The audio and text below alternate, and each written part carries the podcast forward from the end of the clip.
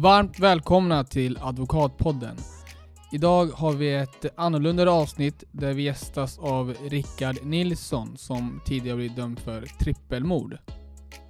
Ja, men precis. Rickard Nilsson dömdes år 2000 till livstidsfängelse då för att ha mördat tre män i ett område som kallas för Klippan tillhörande Skåne. Han har erkänt morden Eh, och eh, vi kommer gå in på också varför, eh, eller vad var det som ledde till att han begick det här hemska brottet.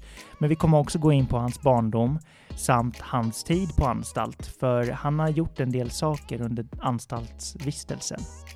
Under tiden på anstalten har Rickard uppnått mycket rent akademiskt.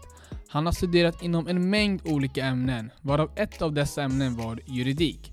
Med pennan som sitt vapen har han lyckats vinna ett fall i Högsta förvaltningsdomstolen som han kommer berätta mer om. Och med det sagt önskar vi er en trevlig lyssning.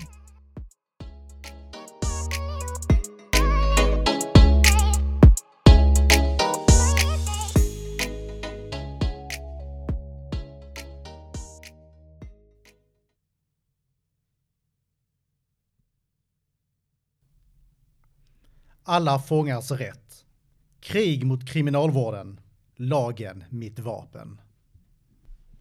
Är det din dikt det här då?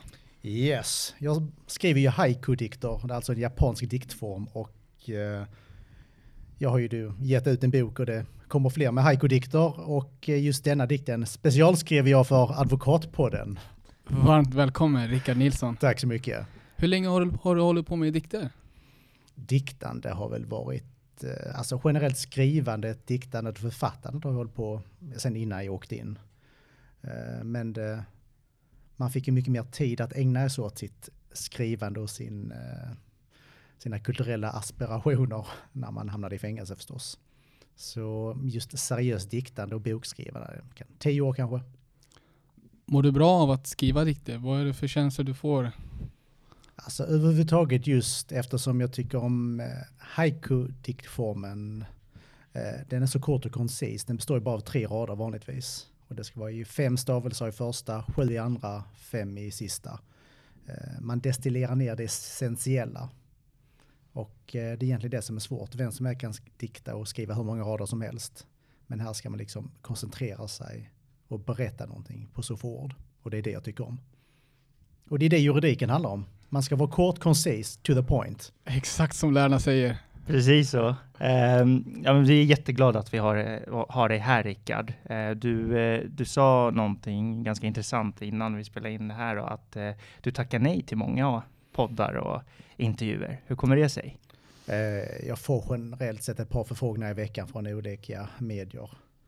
Och i nio fall av tio tackar jag nej. Dels så vill jag förekomma i rätt sammanhang. Och, eh, och till skillnad från vad belackarna på Flashback skriver så är jag inte duggen linslös. Helst vill man försvinna ut i periferin men jag vet ju det är lite svårt med tanke på brottets art och sen eftersom jag jobbar som författare och journalist och även med juridiken så är det lite svårt att inte vara offentlig i det hänseendet. Eh, så därför är jag noga med vad jag väljer och delta i. Eh, vilka offentliga sammanhang och något som heter så bra som Advokatpodden och där andra eminenta företrädare för rättvisa och lag har deltagit. Ja, det får man ju tacka ja till. Ja, vi känner oss hedrade. Verkligen, verkligen. Ja, vi, vi ska ju gå in på massor med saker idag, eh, för du har ju en väldigt intressant eh, bakgrund. Men vi vill börja med att gå in på din barndom och uppväxt. Vem är Rickard Nilsson egentligen?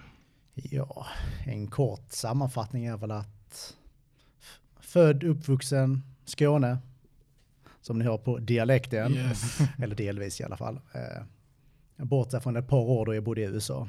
Jag bodde i Los Angeles och gick i skola där i grundskolan ett par år. Eh, sen tillbaka till Sverige och uppväxt här. Hur var den omställningen? Eh, när man är så pass ung märker man inte av den. Eh, och det är ju, man är i den åldern som man lär sig språk väldigt lätt. Så det tog inte många månader innan man kunde engelska flytande med amerikansk dialekt så att säga. Och skolan har alltid gått bra för mig. Jag har alltid haft lätt för att lära mig. Eh, vilket har gjort att man kanske ibland blivit lite uttråkad och då kanske inte koncentrerat sig så mycket på skolan som man borde ha gjort. Vänta, så du har, du har blivit uttråkad av skolan för att du tyckte att det var för enkelt? Ja, men jag har väl mer varit eh, lösningsorienterad. Om vi tar som exempel är när man gick ut grundskolan. Mm. Eh, inför nionde klass skulle man ju välja inför gymnasiet vad man skulle gå. Och då hade jag då tittat på tre olika yrkesval. Antingen ekonom, eh, jurist eller läkare.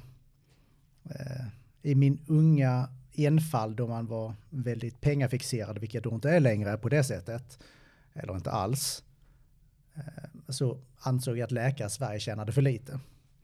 Och, då insåg, och dessutom insåg jag att eh, jurist och ekonom, det var samma program på gymnasiet. Eh, så då valde jag det och då tittade jag på i nian, okej vad behöver jag för att komma in? Jag behöver 3,1. Och jag låg väl över det. Eh, och tänkte, ja men då kan jag ta det lugnt sista året. Så har jag bara 3,1 så är jag garanterat antagning.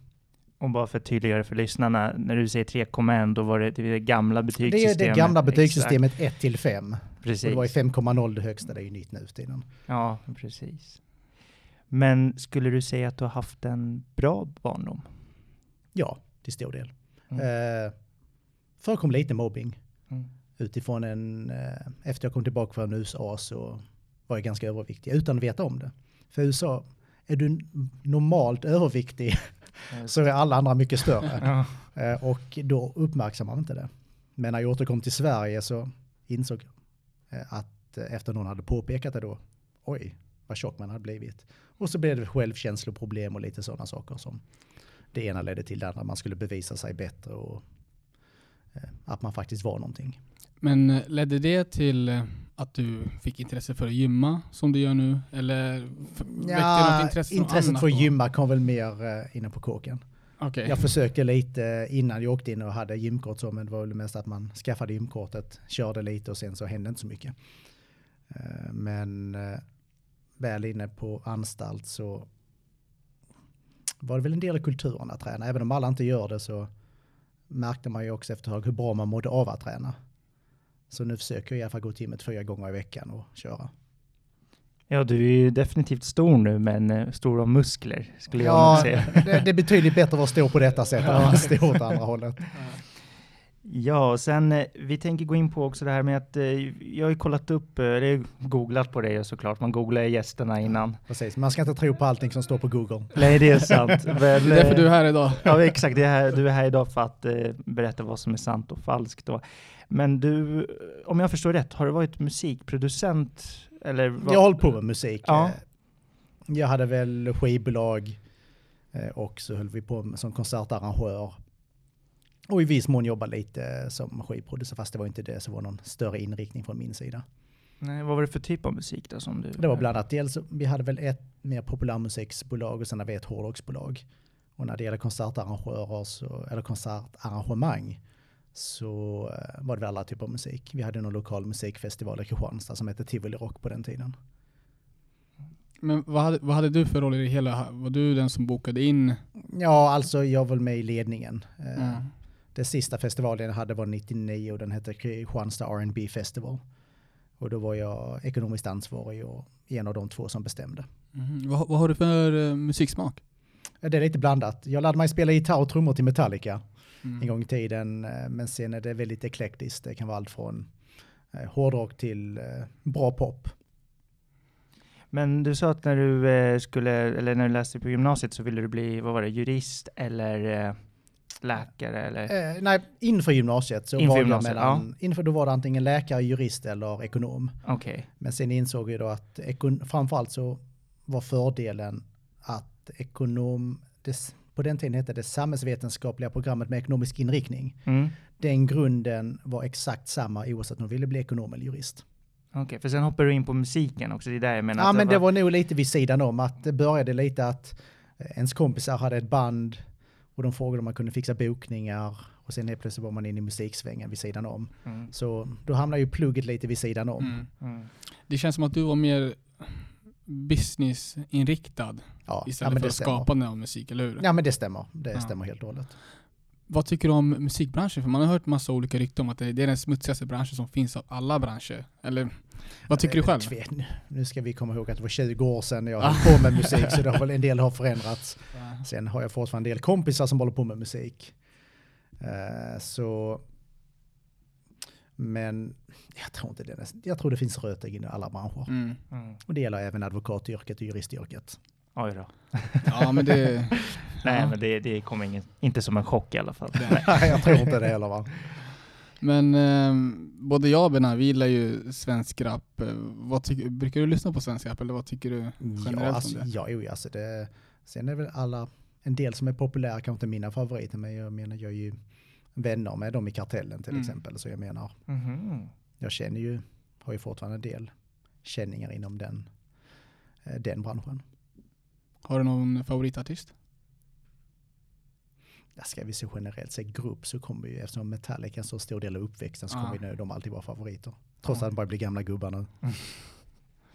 Yes, eh, men vi tänkte även eh, kolla här då vad som hände, eller vad som fick dig att sitta i fängelse. Ja, alltså det var väl helt enkelt hybrisen hos en ung man som ville ha allting direkt. Eh, musikbranschen var ju inte lätt att man försökte få till den där stora hitten och så skulle man leva gott på det. Alltså det var ju overkliga tankar, overkliga förväntningar. Jag pluggade som sagt både juridik och ekonomi eh, inledningsvis. Men sen så tog liksom det andra livet över. Jag jobbade tillfälligt bland annat som försäkringssäljare eh, på Skandia.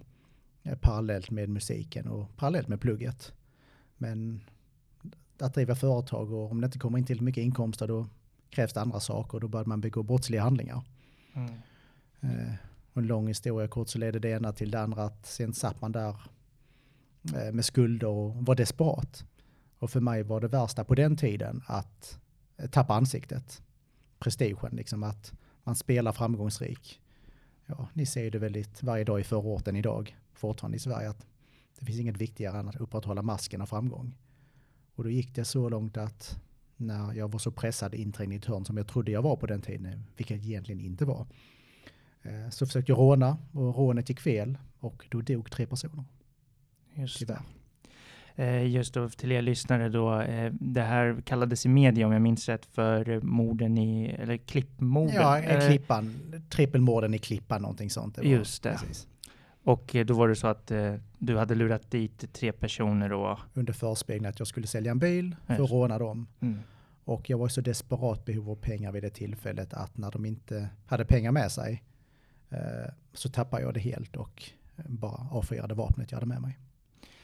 Hur kommer det sig att du är så öppen med det här? Alltså att du berättar det i poddsammanhang om just Alltså ska, nu är det så att jag har gått många år i terapi och Mm. dels så handlar mycket om att förlåta sig själv och ta sig vidare eh, och inse att man måste äga det man har gjort. Ska du komma vidare i livet och ska kunna bli framgångsrik på ett bra sätt på, inom lagliga ramar så måste man även äga sitt förflutna. Vilket år var det det Detta var brottet? 1999. 1999. Och hur lång tid tog det tills du blev dömd? Eh, domen kom väl 2000, den lagakraftvunna domen. Mm. Men visst var det så att till, till en början så erkände du inte? Nej, det stämmer. Det, var ju, det, det är kutym. Man Mm. vet ju inte var det hamnar och man vet ju inte vad som kommer fram. Så jag erkänner väl efter ungefär sju år. Ja. Sen vet jag en del media har skrivit att det var efter tio år först, men jag erkände för terapeut, diakon och även officiellt i kriminalvårdens papper eh, efter sju år. Sen så gjorde jag någon form av offentlig späkelse efter diskussioner med anhöriga och sådana efter säkert tio år.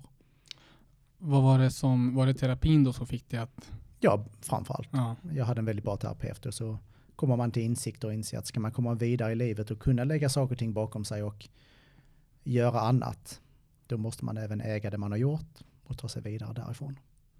Jag hängde inte riktigt med. Har, har du pratat med anhöriga till eh, offren? Nej, det har jag inte. Alltså, jag, jag har alltid varit till förfogande om de vill prata, men det är inte Mm. min plats att eh, be om det någonting sånt. Behöv, Nej. känner de att de hade behövt, då hade jag naturligtvis ställt upp. Mm. Tror du att vem som helst är kapabel till att begå eh, ett mord? Eller flera mord? Jag tror att vem som helst är kapabel till att döda under vissa förutsättningar. Sen tror jag inte alla är kapabla till att göra det med berått mod eller att även av desperation. Mm.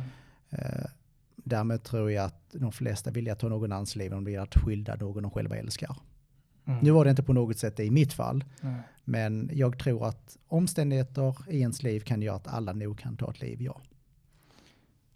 ja, vi lever ju nu i ett samhälle där sociala medier är jätteviktigt. Man ska liksom se glad ut, man ska ha mycket pengar eller vissa vill ha mycket pengar och man ska man visar helt enkelt upp en fasad som kan i många fall vara falsk. Tror du att eh, det, att det kunde förhindras på något sätt att du skulle begå de här brotten? Att det, ifall det skulle finnas någon hjälp eller liknande? Alltså jag tror generellt sett att eh, som sagt, jag äger mitt eget brott och tar ansvar för det. Sen ska man naturligtvis aldrig underskatta inverkan av medier och framförallt sociala medier då på hur folk agerar och vad som anses viktigt. Jag tror att det är vissa grundläggande värderingar i samhället som måste förändras. Eh, jag tror inte att man kan eh, man kan liksom inte låta folk tro att vad som helst är acceptabelt. Jag tror man måste sätta lite markeringar från samhällets sida att detta är det ideala som man strävar efter, även om det aldrig kan uppnås, den formen av utopi. Eh, och samtidigt ge möjligheterna att arbeta på det. Till exempel att ge lärare bättre styrka och eh, mer eh, befogenheter. På tal om juridik, det tycker jag är ett jätteproblem. Idag kan en lärare som går in, och det har hänt, som drar i tvärs två stycken som håller på och slår halvt ihjäl varandra. Tar han i lite för hårt när han särar på dem och talar han för misshandel och döms. Mm. Det har hänt. Vad är det för någonting? Om inte en lärare kan sära på ett slagsmål och om en lärare inte kan på något vis handgripligen utan det går då till överdrift, men det måste finnas något form inom nödvärnsrätt eller något annat som man måste kunna hänvisa till att de måste kunna agera på ett sätt i sin yrkesutövning eh, för att kunna hantera eleverna. Och kan de inte få göra det så har inte eleverna respekt för lärarna. Jag vet ju när jag växte upp så var ju, vi hade ju mycket större respekt för lärarna. Mm. Och de är ju faktiskt, den eh, lärare är ju den sekundära eh, vårdgivaren hos de som växer upp och även de som påverkar väldigt mycket barnen och hur de blir. Och om inte barnen har respekt för lärarna, hur ska de kunna ha respekt för någon annan i samhället? Men med risk att eh, låta tjatig, eh, vi vill försöka förstå mer. Alltså, du sa att du ville, vad ska man säga, du vill inte tappa ansiktet. Det Nej. var det som gjorde att du begick eh, det här, Ja, alltså jag var så desperat där jag satt att jag ville vara en framgångsrik företagsledare och eh, titta vad bra det går för mig. Man ville kunna bjuda folk på krogen. Eh, och när den fasaden var på väg att rämna, då bara tog man på sig skygglapparna och kände, alltså jag måste klara det, måste, ingenting är värre, ingenting är värre. Inte ens döden är värre. Jag mm. måste upprätthålla eh, korthusets stabilitet. För jag menar, vem som helst skulle inte gå så långt. För alltså det är så många, vad heter det, faktorer spel. Det är ett stort pussel och man har mm. gått igenom allting. Eh, och det skulle nog ta betydligt mer längre tid än vad vi har här. Men eh, kombinationen av ungdomens testosteron, eh, viljan att lyckas, oviljan att misslyckas, rädslan eh, att misslyckas och en extremt dålig självkänsla samtidigt som man har ett starkt självförtroende. Mm. För det är en enorm skillnad på självkänsla och självförtroende. Eh, och allt är kombinerat, att man inte vill visa sig svag. Ja, det gjorde att man hamnade i en situation som blir ohållbar. Brukar det hända att du eh, tänker på offren? Självklart. Och vad har du för känsla då? Ja, det är ånger och nedstämdhet. Eh, det jag ofta brukar säga att många, många som har gått grovbrott säger åh, jag tänker på brottet varje dag, jag tänker på brott som varje dag. De ljuger. En person som verkligen ångrar sig hade inte orkat tänka på ett grovt brott, hade inte orkat tänka på de anhöriga varje dag. Hade jag sagt att jag sitter och tänker på det, då hade jag gått under. Man kan inte tänka på det extremt horribla, det extremt oacceptabla som man har gjort. Ehm, som man ibland har svårt att inse att man själv klarade av att göra. Att man kunde vara så gränslös och nästan ondskefullt. Ehm, att man kunde ta livet av någon. Skulle man gå och tänka på det dagligen, då hade jag inte orkat med någonting annat. Det är klart det kommer tankar, ibland drömmer man. Och det är ånger. Vad skulle du säga är din största motivation i livet? Just nu är det att visa alla som ställt upp för mig, för det är jättemånga som ställt upp och vittnat till min fördel i rätten och som tror på mig, att visa dem att jag var värd deras förtroende. Att jag faktiskt var värd en andra chans. Jag minns att när jag läste från din Instagram så får du fortfarande meddelanden från personer som hoppas på att du ska göra ett snedsteg igen. Ja, det är väl snarare Flashback som brukar skriva Flashback det. kanske, precis. ja. Men du delade med dig att du får de här meddelandena på Instagram? Ja, ja, precis. Ja. Exakt. Ja. Får du det fortfarande eller, eller är det också en slags motivation att eh, bevisa folk fel? Så är det naturligtvis. Men jag vet ju att det du tänker på, jag hade ju fått, om det var något e-post eller om det var ett brev. Eh, jag vet jag skrev en krönika om det för magasinet Paragraf. Att det var någon kvinna som skrev så att jag önskar, nu kommer jag inte ihåg exakt ordalydelsen, men kontentan var att hon hoppas att jag skulle ta livet av någon igen. För att hamna inne, bara för att bevisa man rätt. Och då skrev jag en krönika om, ursäkta mig, vill någon att någon annan ska avlida för att de tycker att de ska ha någon form av bevisande att Rickard är ond. Alltså förstår du, det var så absurt hela det hon skrev. Hon önskade bokstavligen livet av någon i korrespondensen med mig. Och då var jag liksom bara tvungen att säga, så här konstiga är en del. Känner du att du idag får något slags näthat? Nej. Ingenting? Det är lite på Flashback ibland. Mm. Men ingenting direkt kanske till din Instagram eller sms? Nej, nej, nej, alltså. Folk, folk är inte dummare än att de förstår att man, man måste hålla någon form av grundläggande vettig ton. Eh, Sen vet jag inte om det beror på min bakgrund eller vad som helst, men jag får inte den hot eller hat som många andra journalister och de som är lite kända får. Varför ska samhället förlåta dig? Jag begär ingen förlåtelse. Mm. Vi lever eh, i en situation och en värld där man har möjlighet till en andra chans. Det är Mm. så fint vårt samhälle är. Och jag kommer göra mitt bästa för att ta den. Eh, Jag har inte rätt att begära någons förlåtelse, något annat. Men jag ber bara om acceptans för den lagliga grund som vårt samhälle är byggt på. Och enligt den så har jag efter mycket kämpande eh, gjort mig förtjänt av en andra chans. Känner du att du har blivit accepterad nu efter att du har avtjänat ditt straff? Ja, alltså alla jag stöter på i, som journalist, Eh, författare och eh, jurist är väldigt accepterande. Eh, tycker det är intressant det man har gjort, att hur mycket man har studerat, vad man har åstadkommit under verkställighet, att man har gjort någonting av tiden. Och 99 personer av 100 önskar mig lycka till hela tiden. Ja, för det är ju väldigt mycket saker som du har gjort. Vi ska ju gå in på det snart också, men när du satt då på, på fängelset då så har du åstadkommit väldigt mycket. Eh, Men eh, vi kan gå in då, börja med att gå in på din tid i fängelset. Eh, Ska vi se, när väcktes ditt intresse för juridiken? Det hade jag med mig in. Eh, när jag kom till Kumla då och placerades ut där så hamnade jag på en avdelning där de prövade på universitetsstudier på, som prov. De hade köpt in lite utbildning från Örebro universitet. Jag gick in med att jag, jag vill läsa ekonomi och juridik helst. De sa det finns inte i världen möjligheten, vi kan erbjuda dig sociologi och religionsvetenskap. Ja, ja, men jag tänkte det var ju bättre än att gå att paketera skruvar eller sortera skruvar, vilket man faktiskt gör i fängelse. Eller snurra skosnören eller paketera skosnören. Så jag kom till avdelning samma dag som professorn hade haft introduktionen till sociologikursen. Och eftersom jag var behörig så fick jag bara hoppa på. Eh, och på den vägen var det. Att när eh, allt eftersom distansstudier utvecklades hos lärosätena, vi får tänka detta var 20 år sedan. Distansstudier internet var inte utvecklat alls på samma sätt som det är idag.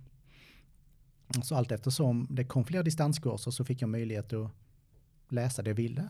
Juridik, ekonomi med mera. Eh, Men eftersom jag är lite sån där, påbörja någonting måste jag slutföra det. Så jag hade väl börjat med sociologin, religionsvetenskap, äh, jag måste ta examen i dem tänkte jag. Så det blir en kandidatexamen i religionsvetenskap och eh, en magisterexamen i sociologi. Skulle du kunna berätta eh, allt du har examen i? Ja, bara- Nej, det kommer jag knappt ihåg. det är så mycket eller? Eh, det var över 1000 HP om jag läste rätt. nästan 1200 högskolepoäng. Mm. Eh, och det utmynnar i totalt nio examina. Nio examina, okej. Wow. Och det är väl, eh, jag har ju, jag har ju en, eh, ja, nu kommer jag inte ihåg exakt vad, men jag har, ju- jag har en examen i handelsrätt. och rättsvetenskap och en renodlad juridikexamen. Eh, sociologi, psy psykologi, rättssociologi, religionsvetenskap, eh, litteraturvetenskap och kreativt skrivande tror jag det Det kan vara någon jag Det är helt otroligt. Men det är någonting sånt. Ja. Men eh, du sa att du satt i Kumla. Ja, jag suttit på Kumla, Hall, Tidaholm, eh, Skänninge, Asptuna och Kirseberg. Eh, Mm. Allt eftersom eh, verkställen fortgår så dels flyttas man runt av miljonbytesskäl eller för att man, de tycker man är jobbig. Och är man juridik och strider med pennan då tycker de man är jävligt jobbig kan jag säga. sagt. Men det kan vi gå in på sen. Eh, Ja. Och sedan så slussas du ner i säkerheten allt eftersom du ska komma närmare eh, slutet av straffet. Men, men var du jobbig, alltså när man säger, liksom, var, var du våldsam av dig? Inte på något sätt. Jag har inte Nej. rapporterats för någon våldsamhet under 20 år. Nej. Kände du av att det fanns en hierarki i finkan? Ja, men det är klart det finns. Det finns det med alla grupper och där inne är den väldigt tydlig. Ja, ha- hade folk respekt för just dig då? Alltså jag var ju väldigt hjälpsam utifrån juridiska hänseende och eh, det var inte bara att jag krigade med kriminalvården utan jag vann ju. Ja. Det var ju som en eh, kriminalvårdsinspektören på Kumla sa en gång i tiden eh, när eh, vi diskuterade varför chefer högre upp inte tyckte så bra om mig. Och då sa han, problemet är inte att du anmäler till JO och JK eller att du överklagar. Problemet är att du vinner Nilsson, sa han. De är inte alls, och det var direkt citat. Jag Mm. har det med i mina kommande böcker. Fan, bara var så pass ärlig med mig. De flesta försöker klaga och hålla på, men du vinner. Mm. Och vinner du, ja då måste de anpassa sig efter dig. Och det tycker inte cheferna högre upp om. Skulle du vilja nämna några fall som du har vunnit på vad det gällde? Ja, det mest kända om man tittar på saker och ting eh, som även en del advokater diskuterar med mig ibland, det är ju när jag fick upp ett ärende i Högsta förvaltningsdomstolen. Alltså motsvarigheten till Högsta domstolen då, när det till förvaltningsrätt. Och eh, det gäller ett rökförbud. De införde ju rökförbud eh, eh vad kan det vara, mitten av 2000-talet. De försökte förbjuda cigaretter helt och rökning i anstalt. Och jag var tveksam till det som att jag hade ju gått igenom tobakslagen och i förarbetena där stod det specifikt att intagnas, eller intagna celler i kriminalvård är undantag från rökförbudet på offentlig plats. Och kriminalvården tyckte ju tvärtom. Så då började vi hela ruljansen, de avslog och den eh, finns att söka, den står i mitt eget namn. Så förvaltningsrätten, där förlorade vi. Vi hade prövningstillstånd i kammarrätten, fick det förlorade. Men jag tänkte alltså detta är så pass starkt. Alltså, rent juridiskt sett har jag rätt. Mm. Men som alla jurister och advokater vet ju att bara för att man har rätt betyder inte att du får rätt. Nej, precis. Men eh, Högsta förvaltningsdomstolen beviljade också prövningstillstånd. Mm. Efter en ganska lång handläggning där så vann jag rätt av. Så de tvingades backa. Så, Hur kändes det när du fick prövning till stånd i högsta förvaltningsdomstolen? alltså att bara få prövningstillståndet var ju en seger i sig. Precis, ja. Eh, Alla som jobbar med juridik eh, vet hur otroligt det är svårt att komma upp högsta instans. Jag vet ju att Leif Silbersky har jag ju hört berättas om från en annan advokat att han har fått upp ett ärende i högsta domstolen gällande, jag tror det var en cykelstöd eller någonting. Nu kan det vara ryktet, så herr Silbersky får ursäkta om jag kommer ihåg fel, men och enligt vissa advokater och även någon domare jag pratat med som har dem framför sig, så lyckas han nästan få in det där prövningstillståndet eh, i, i var och varannat fall. Kanske lite överdrivet, men det är lite ryktena som har gått. Alltså det är en otrolig känsla att få upp det. Eh, och sen så var det ju ganska mycket skriftväxling eh, mellan då kriminalvårdens jurister och mig. Men det utmynnade slutligen ett utslag där de ansåg att eh, rökförbudet som kriminalvården instiftat hade inte direkt stöd i lag och fick därmed inte tillämpas. Oj, det måste ha gått hem bland de andra fångarna. Gud ja. Sen var de lite fula, för på den tiden var generaldirektören Lars Nylén, för detta hög polischef, Mm. och eh, de var så förargade över detta. Att det de gjorde var, gick till justitiedepartementet och bad om att eh, de skulle ändra lagen. Oj. Eh, Så de gick in, nu vet jag inte om det var på torsdagsmöte hos regeringen, för de kan införa egna förordningar som ni vet. Eh, eller om det var en direkt lagändring, jag kommer inte ihåg vilket. Men det var så pass långt att de gjorde att en högre gällande lag stiftades, eller förordning, Så ett nytt lagrum kom in och därmed kunde de förbjuda rökning. Och det tycker jag är lite fegt. För jag menar, om man, detta tog mig tre år att vinna eller någonting. Om man vinner med pennans hjälp och juridikens hjälp, då tycker jag en rättsvårdande del eh, som kriminalvården faktiskt är, faktiskt borde respektera detta och inte försöka gå omvägar för att ta bort en rättighet man faktiskt har vunnit. Jag får en bild av, eh, eh av dig då, att du är, har en vinnarskalle. Definitivt. har du alltid haft det? Ja. Det har alltid varit så? Ja. Mm. Jag har bara svårt att släppa det här fallet eh, Mm. fortfarande. Idag, hur ser det ut med rökförbudet? Det går inte. Eh, Det går inte att röka alltså. det de har fått igenom nu med vissa regelmässiga ändringar har varit att att eh, du får bara röka på promenadgården. När jag vann det då hade de satt ett totalförbud på rökning inomhus och bara på promenaden. Eh, men efter mitt bifall så försökte olika anstalter tillämpa det olika. En del ville det göra det jobbigt. Okej, ni har tillstånd att röka i cellen men inte i allmänna utrymmen. Fine sa alla. Kumla eh, var så jäkliga rent ut sagt att de sa att okej då fine ni får röka men vi håller av brandskyddsskäl kommer vi tända cigaretten och vi står och väntar utanför din cell till du har rökt färdigt. Det är inga poliser intagna. Så alla gick och rökte nästan samtidigt så de fick ju ha personal som stod utanför cellen och tända och vänta och ta emot Fimpen igen för att det inte skulle bli farligt. På Tidaholm där jag sagt, eh, den anstaltschefen var vettig. När domen kom, då kom han ner till mig på avdelningen och sa att okej Nilsson, du har vunnit detta. Det finns inga mer ställen för kriminal att överklaga. Och det har jag full respekt för, sa han. Hur löser vi nu detta? Ja, då sa jag vi följer helt enkelt utslaget från högsta förvaltningsdomstolen.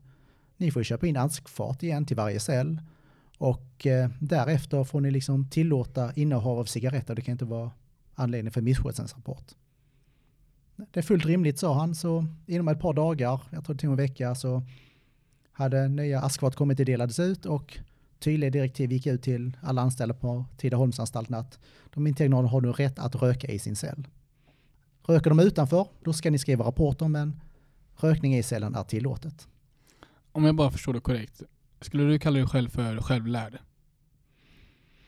Eh, nej, alltså jag har ju, eftersom jag har examen inom juridik, min fördel jämfört med när ni går juristprogrammet den vanliga vägen.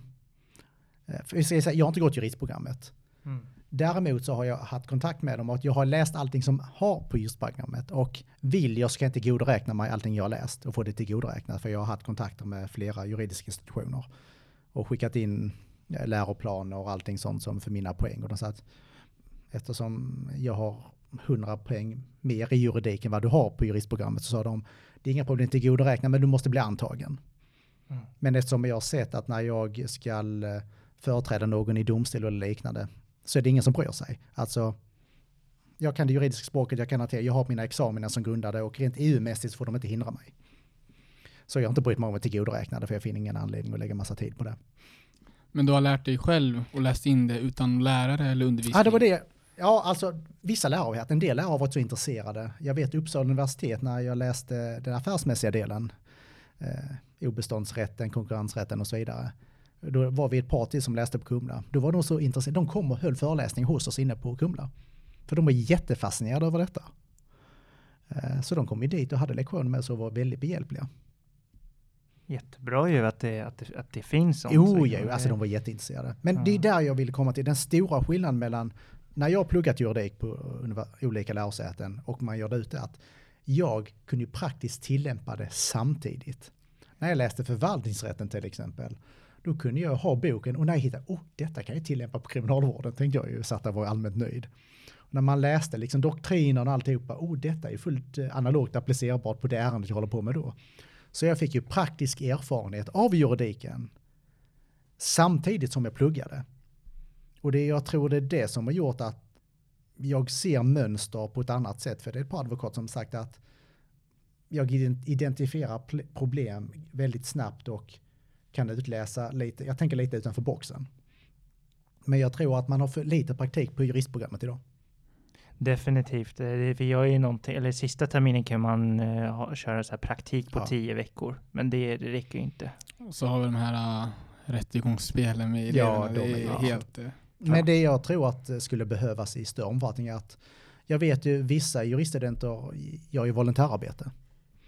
hos olika juridiska kliniker och så vidare. Och det tror jag är jätteviktigt för genom att praktisera det man lär sig samtidigt så har jag för mig när jag läste psykologi att det är något kognitivt som gör att det fastnar på ett bättre sätt och blir bättre att tillämpa. Mycket möjligt, mycket möjligt. Men eh, tycker du att eh, kriminalvården har ett förlegat system? Ja, utan tvekan. ja, men så är det ju. Ja. Alltså, de lyssnar inte. Beslutsfattare uppe i Norrköping på huvudkontoret fattar beslut som oftast både vakterna och fångarna är ganska överens om inte kommer fungera i praktiken. Och det är ju jätteproblematiskt. Om man inte lyssnar på de som påverkas, ja då kommer man ingen vart. Vad tycker du om det politiska klimatet idag med hårdare straff och liknande mot?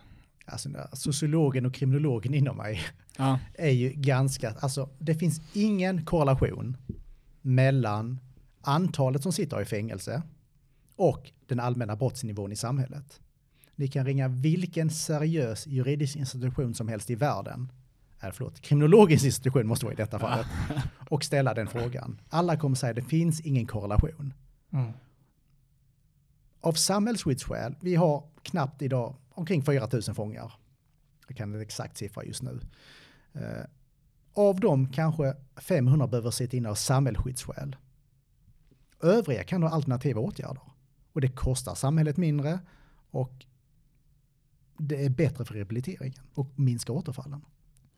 Du dömdes ju för, till livstidsfängelse då. Eh, och kan du berätta lite hur, eh, hur kommer det sig att du sitter här nu med oss? Hur, eh, man tänker livstid är livstid. Med livstid ja. funkar så här att du har möjlighet, till att börja med så är det felaktigt tro från allmänheten att livstid alltid betyder att man friges. Du får ett livstidsstraff, punkt. Det är vad du får.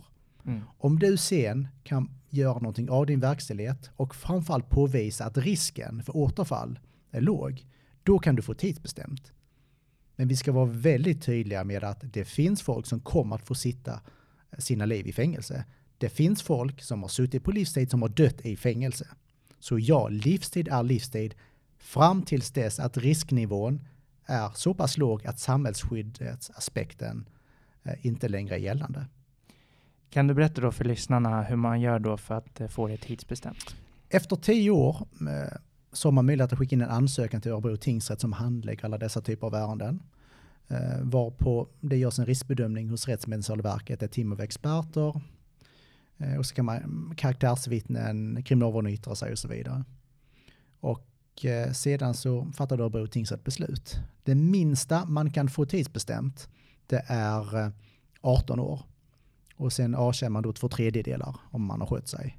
Så 12 år är det minsta du sitter på livstidsstraff. Nästan ingen får det kan vi lägga till. Den som fått mest, jag tror Leif Axmyr numera avliden, jag tror han fick, omkring, han fick över 50 år och satt 34 eller 36 år. Eh, enligt Högsta domstolen så om övriga omständigheter är uppfyllda sett till riskbedömningar och så vidare så är det mesta du kan få 30 år, vilket är vad jag fick. Och eh, då sitter man 20. Och jag har då suttit 20 år och vilket är varför jag kan sitta här i frihet och prata med er. Så är du villkorligt frigiven? Jag är villkorligt frigiven, det stämmer. Du är Och hur många år har du kvar av det? Eh, om jag kommer ihåg rätt så är regleringen sådan att det räknas på för att det inte ska bli oproportionerligt sett till att någon har fått 30 och någon har fått lägre eller någon har fått ännu högre. För det är en del som får det. Så är det sex år, det är alltså beräknat på högsta tidsbestämda straffet. Mm. Alltså 18 år, så då är det sex års del villkorlig frigivning. Hur länge har du varit eh, villkorlig frigiven nu? Eh, dryg månad. Dryg månad. Mm. Så det är ganska fräscht att du... Det är ganska nytt. Ja. Vad innebär det att vara villkorligt frigiven?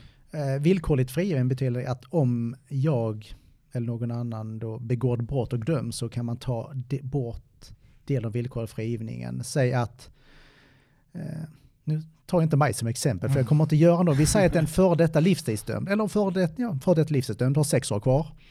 Eh, han eller hon, för det finns kvinnor också som sitter i livstid, eh, begår, eh, säg en stöld. Ja, då får de kanske, säg de får sex månader, en grov stöld kanske. alltså i mellansnitt, de får sex månader och då tittar de, okej okay, du har även en del kvar, alltså del av den villkorliga frigivningen. Och du har sex år där, ja då tar vi ytterligare sex månader därifrån och lägger på också, så du får ett år trots att det skulle varit mindre. Mm. Så begår man brott under villkorlig frigivning får man mycket hårdare straff. Eh, och du, de tar alltså ända upp till hela delen. Det måste vara proportionerligt utifrån hur grovt brottet är och lägger på det straffet du får. Ja, det är bra att du nämner det, för många som inte kan juridiken eh, tror ju att man sitter bara två tredjedelar och sen är det klart. Liksom. Men det är det. Absolut inte. Nej. Och jag vet att det diskuteras mycket i politiken idag att ta bort två tredjedelsfrigivning eller sätta hårdare krav. Mm. Det är redan jättehårda krav idag. Du kan få upp till varje gång du, de, mot slutet av verkställigheten, så gör de en sammantagen bedömning och då kan du få upp till sex månaders del avverkat direkt. Och fortsätter du missköta dig sen, ja då kan de lägga på det ända till hela delen uppäten. Så det är inte på något sätt idag att man automatiskt friges efter två tredjedelar. Har du misskött dig så får du längre straff. Jag menar, det blir så skevt när det diskuteras annars. Tycker du att vi ska ha kvar livstidsalternativet eh, i straffskalan för mord? Nej, det fyller ingen funktion. Eh, kriminologisk forskning har också visat att när straffnivån uppnår en viss eh, nivå så blir det kontraproduktivt. Alltså det blir värre att sitta inne längre. Och den brukar ligga mellan 7 och 10 år beroende på vilken forskning man tittar på. Sen måste det finnas en konsekvens, naturligtvis. Men titta på Norge, de har inte livstid. De har 21 år. Ingen kan få mer än 21 år. Breivik fick 21 år. Däremot det de har att om det finns en samhällsskyddsaspekt när de åren avtjänade, då är det så att då kan du tas i förvar. Och jag tror det omprövning var sjätte eller var tolfte månad, jag kan inte den norska lagstiftningen lika bra. Ja. Och eh, då är det av, du är för farlig för att släppas ut. Och de har inte fler mord, så jag menar hårdas, hårda längre straff hjälper inte. Titta på USA. Största fångpopulationen per capita i hela världen. Och är det så att ni hör om kanske lite, ganska mycket skjutningar och sånt där borta hela tiden, ja, alltså kanske hårda straff inte hjälper. Nej, Men det är gratis och billiga politiska poäng. Du talade tidigare om att man kan eh, döma folk, folk med alternativa åtgärder. Vilka åtgärder skulle man kunna använda sig av då istället? Alltså redan idag finns ju former av skyddstillsyn och eh, fotboja. Alltså är det inte bättre en person om du, det viktiga, är han inte farlig, han eller hon får inte vara farliga för samhället eller andra. Och så länge man inte är det, är det inte bättre att man har ett jobb, betalar skatt, har en fotboja med GPS och så bor hemma och betalar hyra och så vidare och sköter sig, än att du sitter inlåst i fängelse och kostar mellan, det kan vara mellan 1800 och 5-6 eh, tusen varje dygn beroende på vilken säkerhetsklass. Men ur ett brottsofferperspektiv, eh, det kanske skulle vara som en förolämpning om man skulle bara dömas till skyddstillsyn om man till exempel har begått mord eller ja, eh, andra gro grova brott. Vad, vad, tycker du? När man talar om det, ja, brottsoffren måste beaktas utan tvekan. Mm. Men det finns, alltså, det är mycket studier jag hänvisar till nu, men nu kommer jag inte ihåg exakt, men jag vet eh, i en debattartikel i DN tror jag det var så skrev kriminologen om en studie för ett antal år sedan och eh, det hävdas hela tiden att allmänheten vill ha hårdare straff, brottsofferperspektivet och alltihopa. Eh, det de gjorde i den studien väldigt kortfattat var att de tog ett antal riktiga domar. Detta är i Sverige vi talar om. Det kan vara ett annat nordiskt land också, men jag låter det vara osagt. Källkritiken, ni vet. Eh, de tog ett antal domar, avidentifierade dem och så tog de ut en grupp, forskningsgrupp, och så fick dessa läsa igenom och, fick och så fick de hela bakgrunden eh, till vad som hade hänt och så vidare. Alltså i princip samma sak som rätten fick att bedöma. Eh, var det förmildrande omständigheter inte och så vidare. Och sen fick de sätta en dom utifrån den straffskalan som fanns. Det visade sig i mer än hälften av fallen så dömde gemene man som politikerna hävdar vill ha hårdare straff till lägre straff än vad domstolen hade sagt. För de tog ännu större hänsyn till hela omständigheterna, alla, allt som här hade hänt. Just det. Och det visar väldigt tydligt på att oavsett vad politikerna säger och vad folk tror så vill de inte hårda straffen. När de väl hamnar i en situation där de kanske själva vill göra en bedömning, då är det inte lika lätt. Säg en anhörig gör någonting, begår ett grovt brott, då vill de inte se den anhöriga straffas jättehårt. Så man måste sätta sig in i den andra skor, men naturligtvis. Brottsofferperspektiv är enormt viktigt. Och det får aldrig vara en förolämpning. Men man måste också se till samhällsskyddsaspekten. Annars är vi till USA igen. Där är anhöriga med och påverkar domar. Har de lägre straff? Eller förlåt, påverkar deras höga straff eh, brottsnivå? Nej, de har jättehög brottsnivå. Mm. Så det hjälper. Vad hjälper? Det, det är det man tittar på forskningen. Vad har funkat i andra länder, vad funkar inte? Men om vi tar ett exempel. Eh, en person som har begått mord och eh, det är väldigt låg sannolikhet att han skulle begå ett annat mord. Vad tycker du han ska dömas för? Som sagt, de samhällsskyddsaspekterna är sådana att det är låg risk och han är övrigt ordnade sociala förhållanden, inget missbruk och så vidare. Fotboja hemma tillsammans med eh, mycket samhälls, extra samhällstjänst. Och detta kan alltså, vi kan, det kan vara i tio år. Tänk dig hur mycket denna personen måste tvingas jobba tillbaka och ge tillbaka till samhället under en tioårsperiod. Och folk tror att oh, han får sitta hemma med fotboja. Vet ni hur många som har provat fotboja och avbrutit? Jag valde bort fotboja. För jag vet hur jobbigt det är att hålla den där exakta tiden. Eh, jag valde att stanna kvar på halvvägshuset hela straffet ut.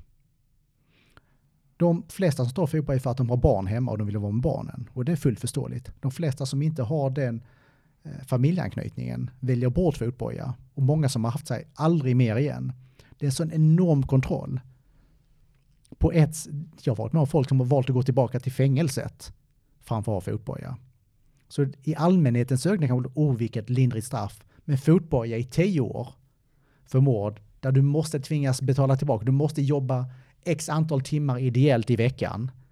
Så du måste ha ett heltidsjobb plus 20 timmar ideellt arbete. Det är faktiskt ett hårdare straff än att sitta i fängelse. Intressant faktiskt. Det är svårt att sätta sig in i en sån situation för att man, man vet ju inte själv. Nej, nej, uh, men uh, hur uh, tycker du att fängelsetiden har påverkat dig? Fängelsetiden är vad man gör det till. Jag har väl blivit mer, på ett sätt har jag blivit mer cynisk. Men jag har fått mycket lärdomar och jag har ju insett att det är ett system som behöver förbättras. Cynisk på vilket sätt då? Ja, alltså hanteringen så som jag sett kriminalvården som myndighet har hanterat många ärenden och behandlat intagna har ju gjort att jag ser med stor skepsis och cynism på myndighetshandläggningar överhuvudtaget och tyvärr har det bekräftats att det kommit ut. När jag hjälpt folk med Försäkringskassan, Arbetsförmedlingen och andra sådana där vanliga myndigheter. Eh, och jag känner att jag tror man behöver tillbaka det gamla tjänstemannaansvaret. Alltså där tjänstemän faktiskt var ansvariga för besluten och fattade på ett helt annat sätt än vad de är idag. Skulle du säga att, det att ett fängelse i Sverige kan likställas med hotell? Inte på något sätt, inte ens i närheten. Nej. Den som säger det har aldrig suttit inne. Det är bara de som inte har suttit inne som säger det. Här sitter du inlåst. Du får inte ha några personliga kläder. När du ringer telefonsamtal, de måste vara godkända i förväg. Det är jättemånga som inte får godkänt ringa sina föräldrar, inte ens sina barn. Tänk dig att sitta helt isolerad. För det är det praktiken du gör. Du måste tvingas göra menlösa arbeten istället för något som kanske främjar rehabiliteringen. Och att sitta helt avskärmad. Du får aldrig träffa kanske nära anhöriga. Kanske prata med dem ytterst få minuter varje vecka. Det är ingen lyxtillvaro. Inte på något sätt. Du satt eh, på Kumla. Bland annat. Och, bland annat. Och eh, det är annan säkerhetsklass. Absolut högsta säkerhetsklassen. Vad innebär det att det är högsta? Är det mindre saker ni får göra eller? Ja, dels är det betydligt begränsat vad avser vad man får inneha och så är det framförallt skalskyddet och personaltätheten. Högre personaltäthet desto högre säkerhet och på alla klass 1-anstalter finns det även elstängsel eh, och andra säkerhetsåtgärder. Har det någonsin hänt att, eh, eller om jag säger så här då, i och med att du har suttit på fängelse eller anstalter som har de högsta säkerhetsklasserna, mm. det innebär att man eh, förmodligen sitter med de som har begått ganska grova brott. Grova brott ja, precis. Ja. Har det någonsin hänt att du har sett eller vet att någon kommer bli frisläppt men den personen har en eh, hög risk att hamna i brottslighet igen, liknande. Och hur har den känslan i så fall varit? Alltså inte, man tänker inte på det sättet när man sitter där inne. Eh, man är ju bara, på ett sätt är man ju bara glad att bara, nu kommer de ifrån skiten så att säga. Eh, så just, det är en intressant fråga, för, men den reflektionen har jag faktiskt aldrig haft där inne. Det är en av få frågor jag inte fått för. Eh. Vad var det du saknade mest när du satt inne? Möjligheten att ha nära och kära, att gå ut på kvällen. Nära och kära och att gå ut på kvällen. Alltså att tänka själva, du låses in jättetid. Du låses in oftast vid halv sju, halv åtta beroende på vilken anstalt. Du låses in i dina mellan 6 till 12 kvadratmeter. Också beroende på hur nybyggt det är. Och där sitter du ensam i dina tankar. Du är inlåst.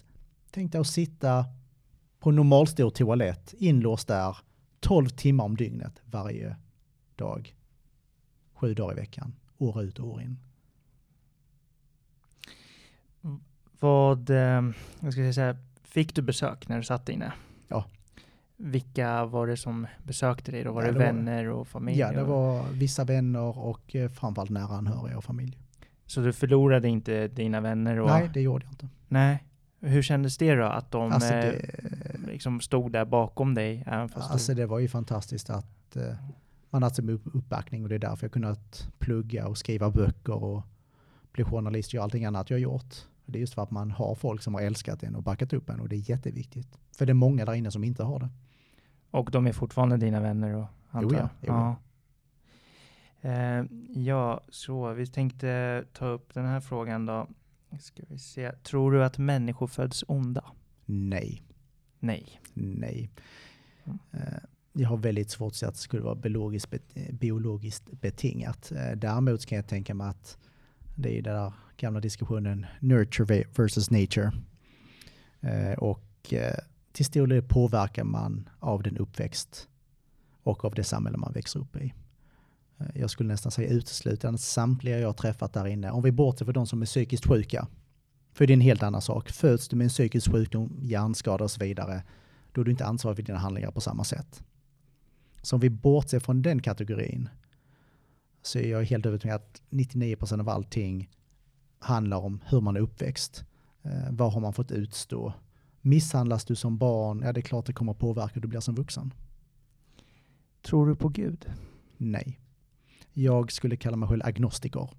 Okej. Eh, och agnostiker, för de som inte vet det, det betyder att eh, lekmannatermer att om Gud finns eller inte, det går inte att bevisa för eller emot. Men det påverkar inte min dag, alltså behöver jag inte bry mig. Har du någonsin trott på Gud eller? Inte på det sättet. Det Innan- hade varit trevligt, jag får bara, det hade varit trevligt att tro på Gud. Det är klart att jag tror på att det finns något högre. Jag hoppas innerligt inte att människan är det bästa universum har att erbjuda. Med tanke på alla miljarder solsystem och, som finns i alla miljarder universum. Om människan är det bästa, ja, då är universum en väldigt sorglig plats. Advokater brukar säga att eh, intagna på häkten eller anstalter brukar eh, oftast prata om två, tre frågor med varandra.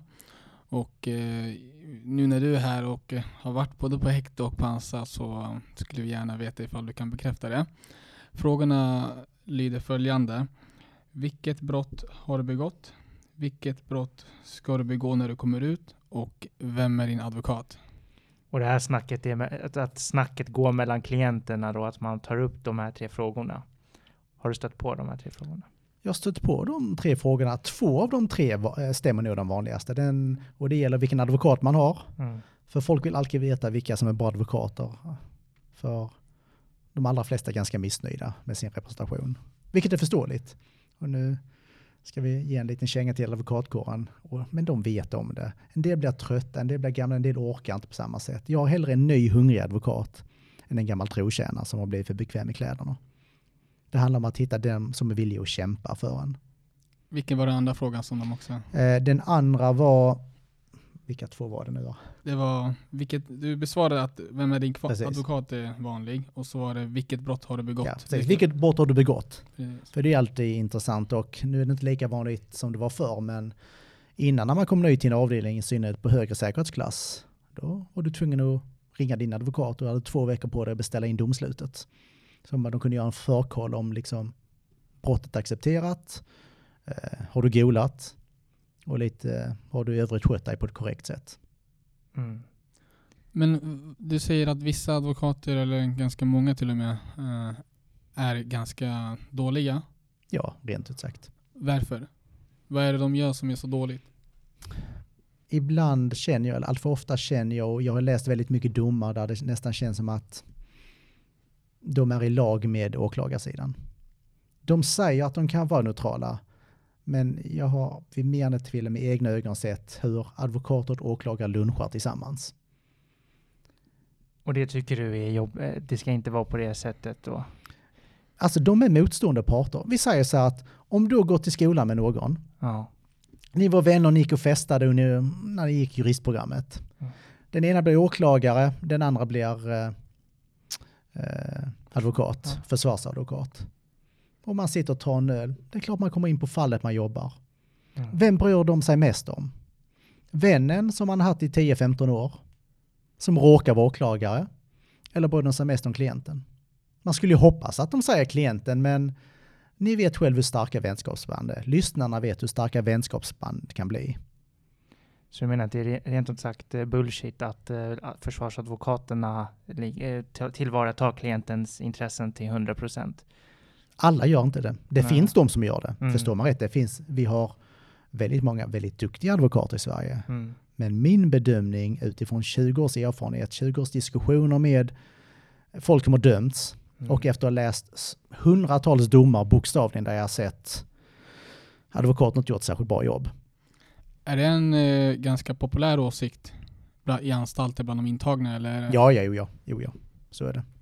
Hemsk bild som du målar upp faktiskt. Det är... Ja, man, man vill inte tro på det. Alltså det behöver inte ens bara fråga mig eller intagna där man kan se ett visst jäv, utan Mm. prata med krimjournalister. Mm. Prata, faktiskt, prata med de bästa advokaterna. Nu vet jag inte om de skulle våga säga det så här tydligt. Mm. Men har ni någon av de riktiga kändisadvokaterna? Som kanske har varit gammal i gamet och inte bryr sig om någon på det sättet. Ställ samma fråga till dem. Så tror jag ni kommer få samma svar. Jag har fått samma svar från minst två väldigt kända advokater. Och de säger ja. Deras kollegor, den ena sa tyvärr så är de flesta av mina kollegor skräp. Direkt citat. Men det är ingenting man kanske vill säga offentligt kanske? Nej, men jag vet det så återigen. Om jag kan stå för mitt brott som är så horribelt och Mm. skrämmande, då kan jag stå för att den stora advokat- advokatkåren är skräp också. Ja. Men eh, alltså, Rickard, du, du har gjort massor med saker. Vi, vi, vi, vi har inte nämnt allting, men vi kan ju bland annat gå in på att du har varit ordförande för eh, Frio. Ja, det var för, för detta förtroenderådens riksorganisation. Kan du berätta lite om det? Exempel? Eh, förtroenderåd är vad som man enligt fängelselagen och tidigare lagen om kriminalvård i anstalt hade rätt att eh, på varje avdelning på fängelse ha. Och det är i syfte att det ska finnas representanter för fångarna som pratar med ledningen och kan diskutera och föra, föra talan helt enkelt. Eh, och eh, jag och några andra ansåg, var det, mitten av 2000-talet att det behövdes någon form av samordnande organisation. Så då var jag och ett par till och startade vad som då blev Förtroenderådens riksorganisation. I syfte att eh, under en paraplyorganisation ha förtroenderåden. Jag känner att du måste ha varit ganska populär på anstalterna i och med att du kämpade för det här med rökförbudet och så har du varit med i den här organisationen som du, du företrädde alla intagna. Alltså jag företrädde de, med, de som var medlemmar, för det, måste vi, det var frivilligt. Det var frivilligt. Förtr- Förtroenderåden kunde anmäla att vi letar vara medlemmar. Så jag företrädde, eller vi, företrädde inte alla fångar på det sättet, utan bara de som valde att vara medlemmar. Det är väldigt viktigt. Du är även eh, skribent på magasinet Paragraf. Skulle du kunna berätta lite om det? Eh, förr i tid, 2011 kom det ut en tidning som heter Skurk, som blev ganska populär, men har tyvärr bara uppe ett år. Eh, och Dick Sundevall är bara chefredaktör där och han och ett par andra startade till kriminal och rättsmagasinet Paragraf. Eh, därefter när den gick i graven, Skurk alltså. Och eh, där fick jag vara med från dag ett också. Skrev krönikor, reportage och så vidare, även från insidan. Eh, och där, även mitt primära arbete som journalist är ju därifrån idag. Och som jag har förstått det rätt så är just, även om bara en nättidning, och det är inte så bara, så är magasinet Paragraf den största eh, krim och rättsmagasinet idag. Oj. Mm. Hur länge har du varit skribent där? Sen starten 2012. Visst var Björn Attnason din advokat? Ja, precis. Eh, min advokat Björn Attnason. Eh, en av de få advokater som jag tycker är riktigt bra. För det vill jag ge honom en lov för. Han gör någonting de nästan ingen annan gör. Och det är inte bara till mig. När han har långtidsdömda advokater han har vägarna förbi, då stannar han typ till på Kumla. Han kommer dit, tar en kopp kaffe med dem, hälsar på, brukar slänga in en 500 Helt ur egen ficka. Och bara kollar så allting är bra med dem. Under hela min verkställighet så har han ställt upp gratis både för mig och min familj när det gällt arvstvist och alltihopa. Så han är ju utan tvekan eh, i min mening den bästa advokat vi har i Sverige. Nu har han inte tid att åta sig några fall, det vill jag ju tillägga här så att inte han blir nerringd här nu, men eh, han har väldigt fullt upp, men han är väldigt, väldigt bra. Du sa ju att han var, fanns där för dig och la en 500-lapp ja. också ibland från, ur egen ficka. Det har varit mycket debatt om att det finns vissa försvarsadvokater som glorifierar gangsterlivet och kriminalitet och att eh, de beter sig oprofessionellt och är allt för nära in på sina klienter. Vad, vad, vad, tycker du om det? För att jag får ju uppfattningen av att det här var bra för dig, att din försvarsadvokat var så hade en sån nära re relation till dig och att det var, det, det var viktigt för dig att ha den relationen. En duktig advokat kommer nära sin klient, bryr sig om sin klient samtidigt som de håller en professionalitet och distans som är en viktig del av rättsväsendet. Att advokater går på luncher med sina klienter, och sånt, jag ser inga som helst problem med det. Mm. Sen kan det vara ganska olämpligt om en advokat går och poserar med en Kalashnikov mm. på foto med någon. Det är sin sak. Eh, men om vi bortser från något enstaka extremfall så ser jag inga som helst problem att det är ju bara att advokaten blir bättre genom att lära känna klienten och dennes familj. Och de måste bry sig mer om det än om pengarna. Ifall du hade lyckats få en jurisexamen, skulle du via ett universitet då, skulle du vilja bli försvarare? Nej. Vad hade du velat bli? Jag är mer inne på affärsjuridik och sen tycker jag faktiskt att förvaltningsrätten är ett väldigt underskattat område. Eh, det jag gärna vill påverka så att man faktiskt i förvaltningsrättsliga ärenden även kan få rättshjälp. För eh, det många inte tänker på, varenda liten sak man gör i samhället är nästan förvaltningsrätt. Varenda kontakt du har med minsta myndighet är förvaltningsrätt. Varje beslut, alla dessa avslag vi läser om från Försäkringskassan och allt sånt, det är förvaltningsrätt att inte det är större, det må vara tråkigt kan de flesta tycka. Jag vet ju att på IS-programmet så är ju de flesta tycker det är jättetråkigt. Jag däremot var jättefascinerad över det som att jag kunde direkt tillämpa det. Eh, jag tror att man behöver ha en större förståelse för förvaltningsrätt där folk, både många jurister, hade fått inrikta sig mer på det och det tror jag hade blivit lättare om det funnits rätt, möjlighet till rättshjälp i större omfattning. För det är där folket behöver mest. De flesta hamnar ju inte i klammeri med rättvisan. Det är inte där problemen är. Problemen är när myndigheterna går över sina befogenheter och misstolkar lagar så, mot vad lagstiftarna tänkt sig. Det är ju då de behöver den riktiga hjälpen. Det är där gemene man behöver hjälpen. Så jag tror förvaltningsrätten, det måste bli viktigare område. Finns det folk som hör av sig att du ska åta vissa slags juridiska uppdrag inom exempelvis eh, förvaltningsrätten? Hela tiden, konstant. Eh, jag tackar nej till nästan allting och det handlar mer om tidsbrist. Eh, men jag hjälper ju vissa intagna att sammanställa skadeståndsanspråk gentemot kriminalvården och ibland åta vissa överklaganden av besöks och telefontillstånd och så vidare.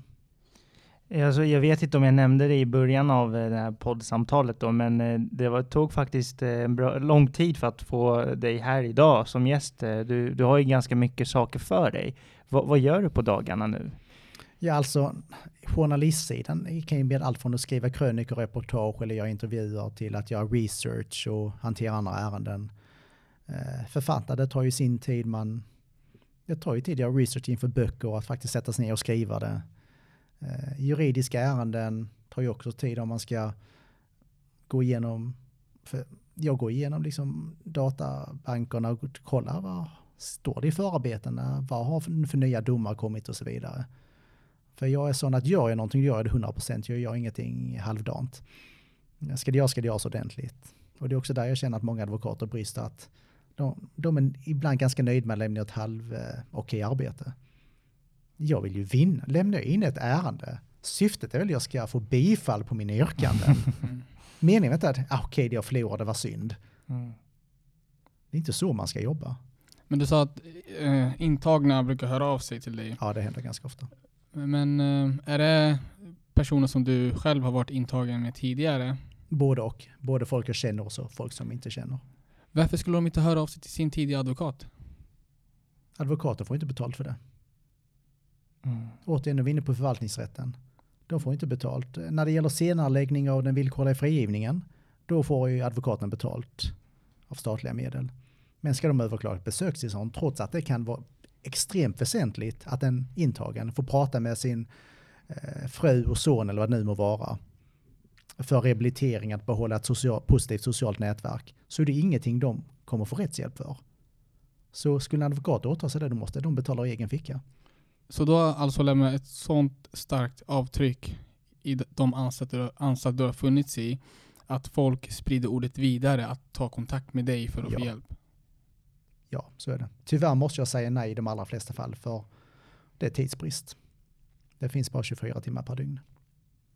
Du är ju även författare och har skrivit flera olika böcker. Ja, precis. Skulle du vilja berätta om ditt författarskap? Ja, alltså det har ju varit ett sätt att dels hitta någonting att göra på insidan, men även ett sätt att få ut lite orättvisor. Jag, jag och min numera avlidne författarpartner skrev ju tre kriminalromaner tillsammans och jag själv har ju skrivit en form av dagbok, biografi och eh, även en diktbok. Mest intressant ur detta hänseendet för Advokatpodden är ju faktiskt första boken, Män utan nåd.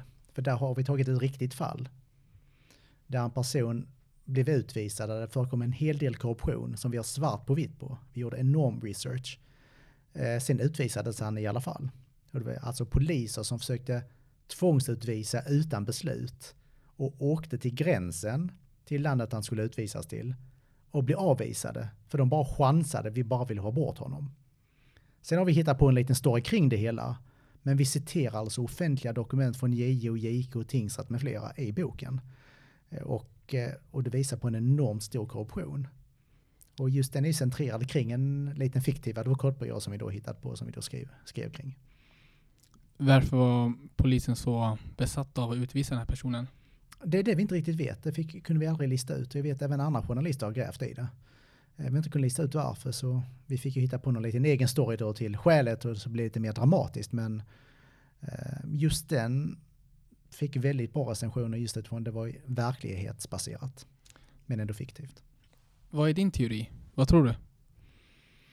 Eh, Jag tror ju att det blev någon prestige i frågan. Det var någon lite högre upp som ville ha ut honom. Att det hade protesterat så mycket och så många domstolar hade lagt sig i och att de bara, nu kör vi, bara ut med honom. Jag tror det blir något, någon fastnade för honom. Vill du säga vad det var för land som man skulle utvisas? Eh, det var Iran eller Irak, jag kommer inte ihåg vilket faktiskt. Okej. Ja, det står i boken. Ja, det står. okej. Yes.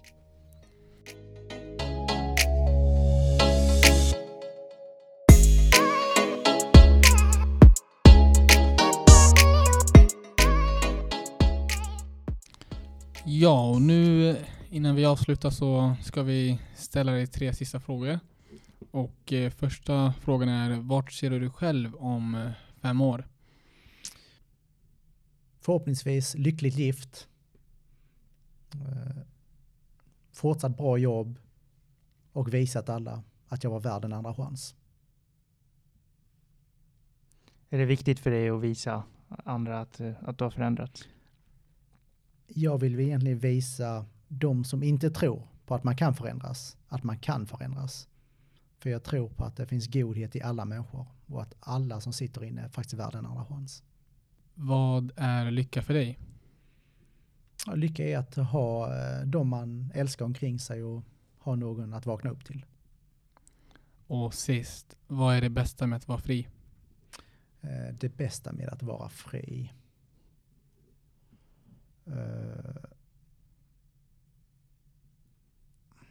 Det är en bra fråga. Det är att kunna, det är faktiskt att kunna vara tillgänglig för nära och kära, ha tillgång till nära och kära och att kunna gå ut mitt på natten och köpa något att käka bara för att man känner för det. Grymt Rickard. Tack så jättemycket för att du medverkade i ett avsnitt av Advokatpodden. Tack själva. Om lyssnarna skulle vilja komma i kontakt med dig, hur kan de gå tillväga? Absolut lättast är att eh, skriva till min e-postadress. Och det är Rickard med bara C, R-I-C-A-R-D understreck Nilsson, vanlig stavning, at hotmail.com. Grymt, tack. Tack.